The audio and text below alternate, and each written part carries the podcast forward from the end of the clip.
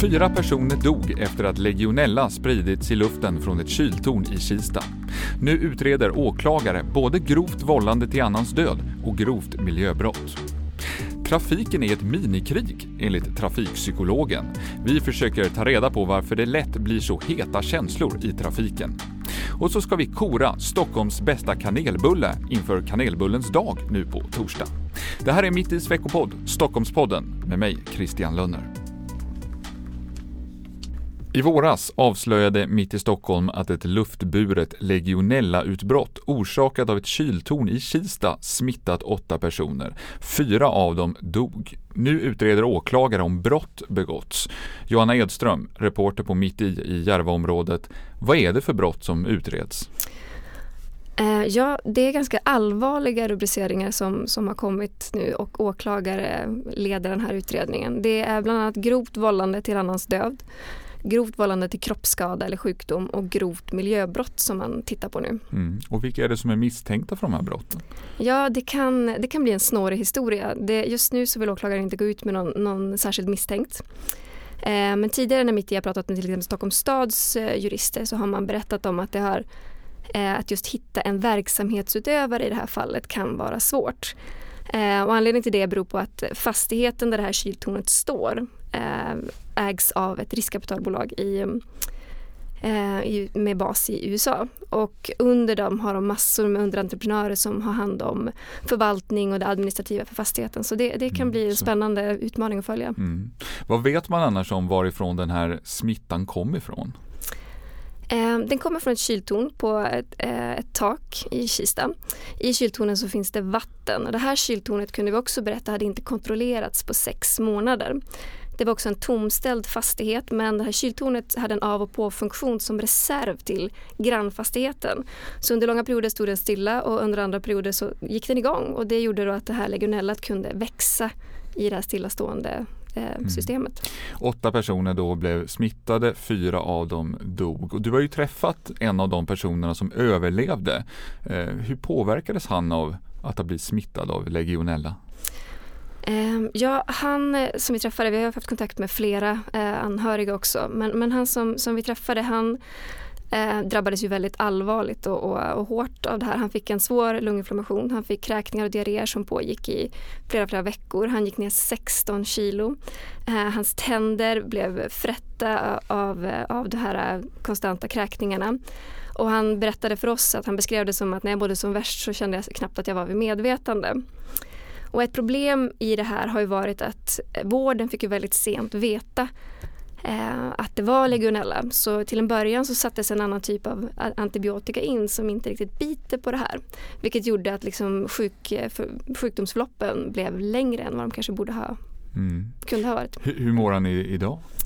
Um, han är fortfarande ganska han är fortfarande upprörd skulle jag säga. Han vill fortfarande att någon, vem har ansvar för det här tycker han. Um, och han, um, han och andra anhöriga som jag pratat med är ganska tacksamma nu att vi har uh, tittat på det här och att det nu har lett till uh, brottsrubriceringar för att det kanske kan, någon kanske kan ställas till svars mm. för det här. Förutom brottsutredningen som nu då pågår, uh, har det här avslöjandet fått några andra följder? Ja, det, har fått, det är ganska, ganska många följder som, som pågår. Eh, bland annat så har regeringen eh, startat en utredning eh, om frågan om anmälningsplikt för kyltorn. Eftersom att det inte finns det idag så vet man inte hur många kyltorn som finns eller var de finns och då är det också svårt att hitta en, en smittkälla när den, när den dyker upp. Mm. Sen har också kommunerna i Stockholms, hälften av kommunerna i Stockholms län har sagt att de ska vidta åtgärder. Huddinge kommun har redan kartlagt sina kyltorn i kommunen och Stockholms stad håller på att inventera. Mm. Tack Johanna Edström, reporter på Mitt i, i Järvaområdet som avslöjade legionella-utbrottet i Kista. Och läs hela granskningen på mitti.se.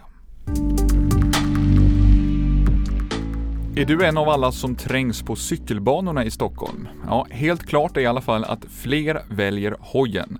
Lisa Bonniksen, reporter på Mitt i i innerstan. Kan man snacka om en cykelboom? Jo men jo, det tycker jag att man kan göra.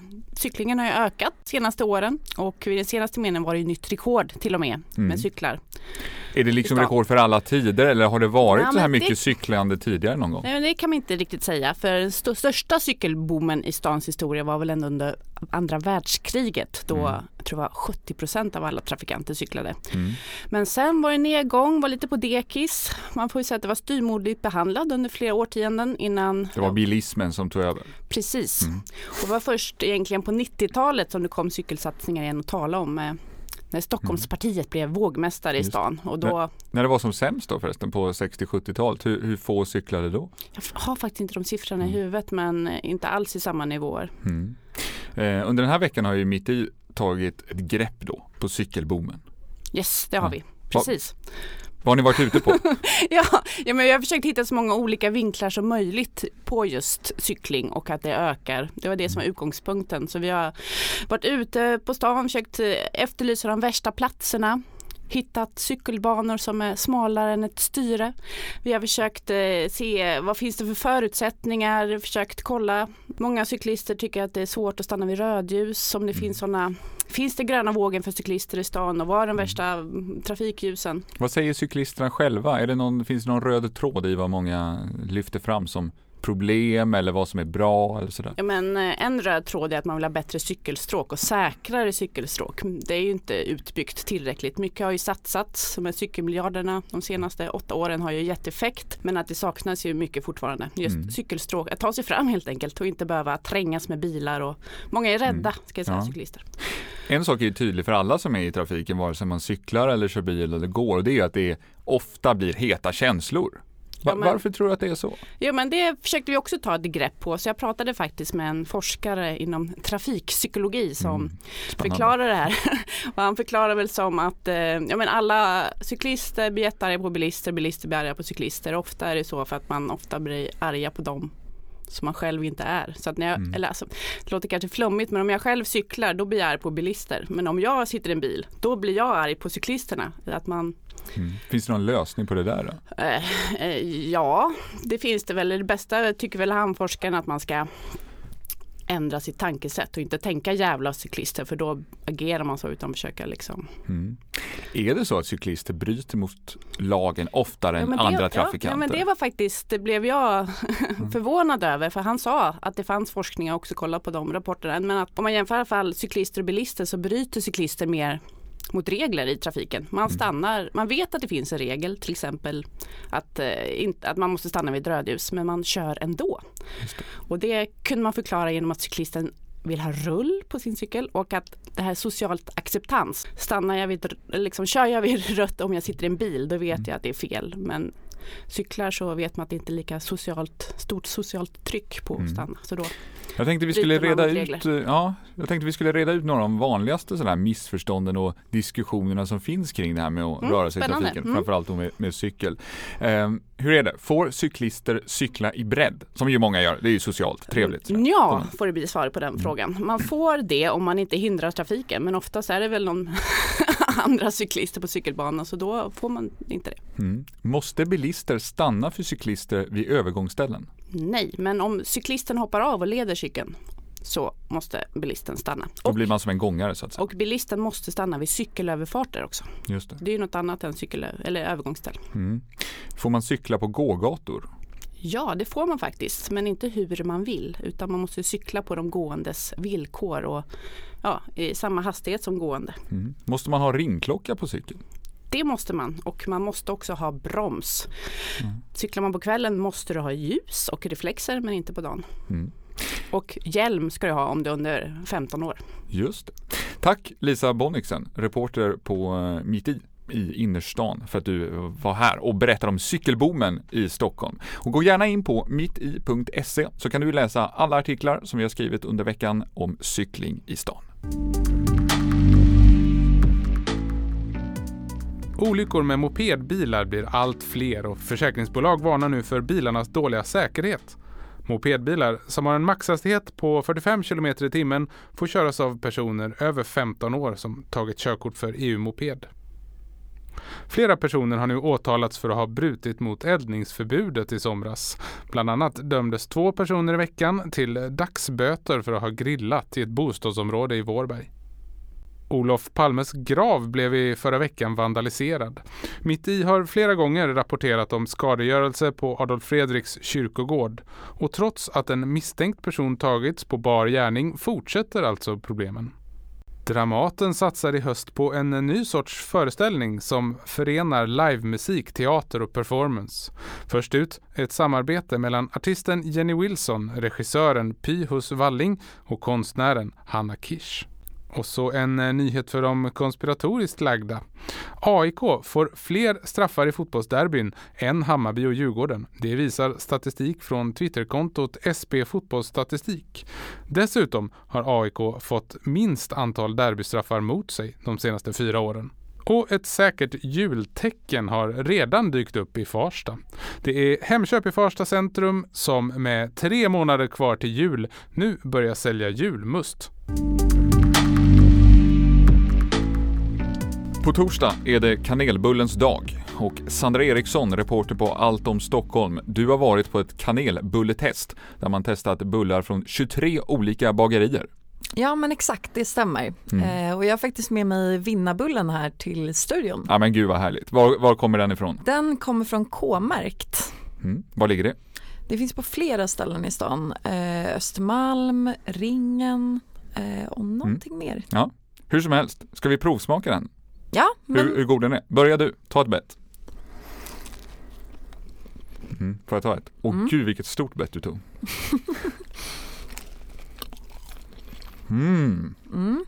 Den var faktiskt väldigt god. Vad skulle du säga är eh, hemligheten bakom den här bullen? De har mycket kanel, mm. sen är den ganska smörig. Men den har ändå en bra yta. Det knastrar ju lite när man åt den. Det är mm. gott. Det är lite mandel på tror jag. Den var ganska vacker också. Är det viktigt?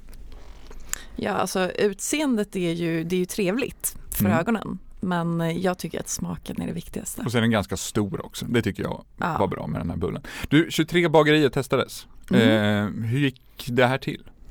Eh, jo, men det var Smakdomarna Stockholm som är två kvinnor som har startat eh, som dragit ihop eh, 18 stycken smakdomare mm. utvalda. Det är influencers och bloggare och andra som gillar mat mm. eh, som fick testa de här. Eh... Små, små bitar misstänker jag. Ingen orkar ju äta 23 bullar. Nej, exakt. Det stämmer. Du, hur ser topplistan ut? Mm. Vi hade K-märkt på första plats. Ja, exakt. Och på andra plats så ligger Ingrid, ett eh, bageri på Östermalm. Och och eh, sen kommer faktiskt ett Lidingö bageri, Lidingö bröd och patisserie. Mm. En bra spridning över stan med andra ord. Du, vad, vad, är fallgroparna då? Jag kan tänka mig att alla inte lyckades lika bra med sina bullar. Alltså personligen så tycker jag det får inte bli för torrt.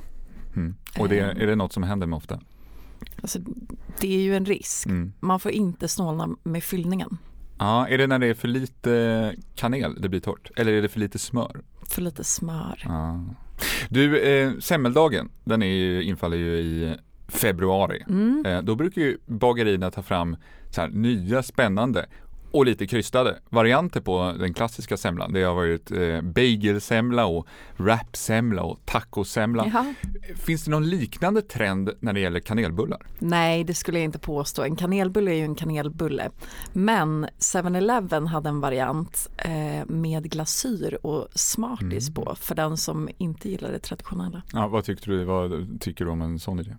Nej, det blir för sött va? Ja, du, ja, fint. Du, på torsdag är det alltså kanelbullens dag. Mm. Eh, tack Sandra Eriksson, reporter på Allt om Stockholm för att du kom förbi och bjöd på stans bästa bulle. Mitt Is veckopodd Stockholmspodden är slut för den här gången. Läs mer av våra nyheter på mitti.se och prenumerera gärna på vår podd så att du inte missar några avsnitt. Vi hörs nästa måndag. Ha det fint!